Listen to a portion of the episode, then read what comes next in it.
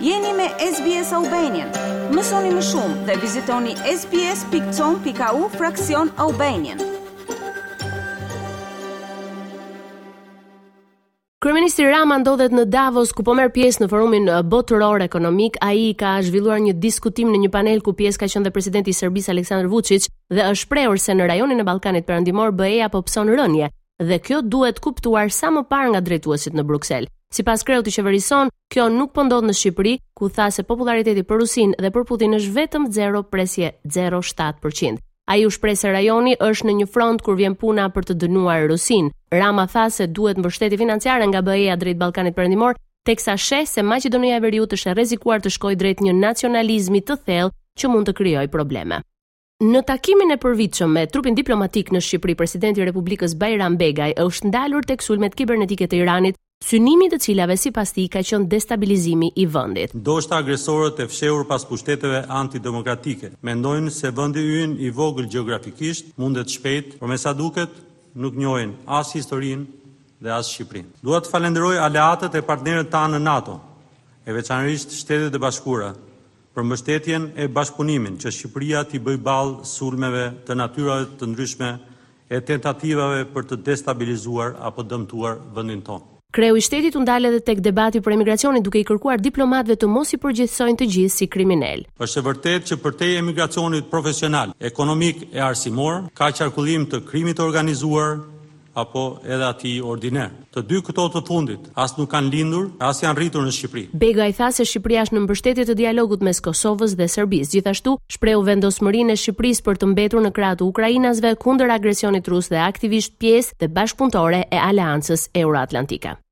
Kryetari i Partisë Demokratike Sali Berisha para mediave ka hedhur akuza ndaj kryeministrit Rama duke iu referuar inceneratorëve. Ai është shprehur se Rama është kreu i organizatës kriminale të djegësve, kontratë për të cilën Berisha thotë se është firmosur në kundërshtim flagrant me ligjet e vendit. Akuzat ai i ka drejtuar edhe nga kryebashkiaku Erion Veliaj, teksa është shprehur se sipas tij fusha e plehrave në Sharr është shndërruar në minierën e floririt për Ramën dhe Veliajn. Gjatë fjalës së tij kryetari i PD-së ka deklaruar se Rama zgjodhi plehrat për të kryesuar mafien e tyre, firmosi bonus për kompaninë që nuk ekzistonte. Sipas Berishës, përmes inceneratorit të Sharrës, Rama dhe Veliaj bashkë kanë vjedhur 54 milionë euro.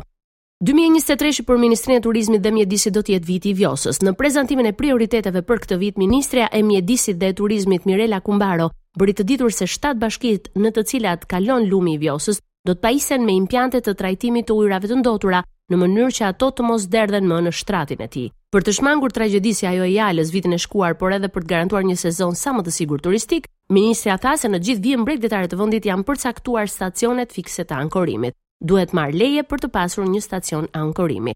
2023 është cilësuar si një vit i suksesshëm turistik me 7.5 milion vizitorë të huaj dhe për të shtuar më tej interesin e tyre prioritet mbetet promovimi i vendit në mediat ndërkombëtare. Në vitin që lamë pas Shqipëria tërhoqi 1.9 milion turistë më shumë se në vitin 2021. Eurostat ka publikuar treguesin e të ardhurave mesatare të disponueshme për një familje, pas zbritjes së taksave dhe zbritjeve të tjera, pjesëtuar me numrin e anëtarëve të familjes dhe rezulton se familjet shqiptare dhe individët kanë më pak të ardhura të disponueshme të matura sipas fuqisë blerëse në Europë. Treguesi shprehet sipas standardeve të fuqisë blerëse për banorë me PPS, për Shqipërinë treguesi është 4385 PPS, që i referohet vitit 2020 nga rreth 18000 PPS që është për mesataren e Bashkimit Evropian. Pra i bie se të ardhurat e shqiptarëve janë më pak se çereku i të ardhurave të shtetasve evropianë ose sa 24.3% e mesatares evropiane. Shqiptarët janë në fund të listës së fuqisë blerëse në Evropë, Më sipër saj renditet Maqedonia e Veriut me gati 6.000 PPS, Serbia 6.602, Turqia 6.620, dhe Mali i Zi 6861 pps.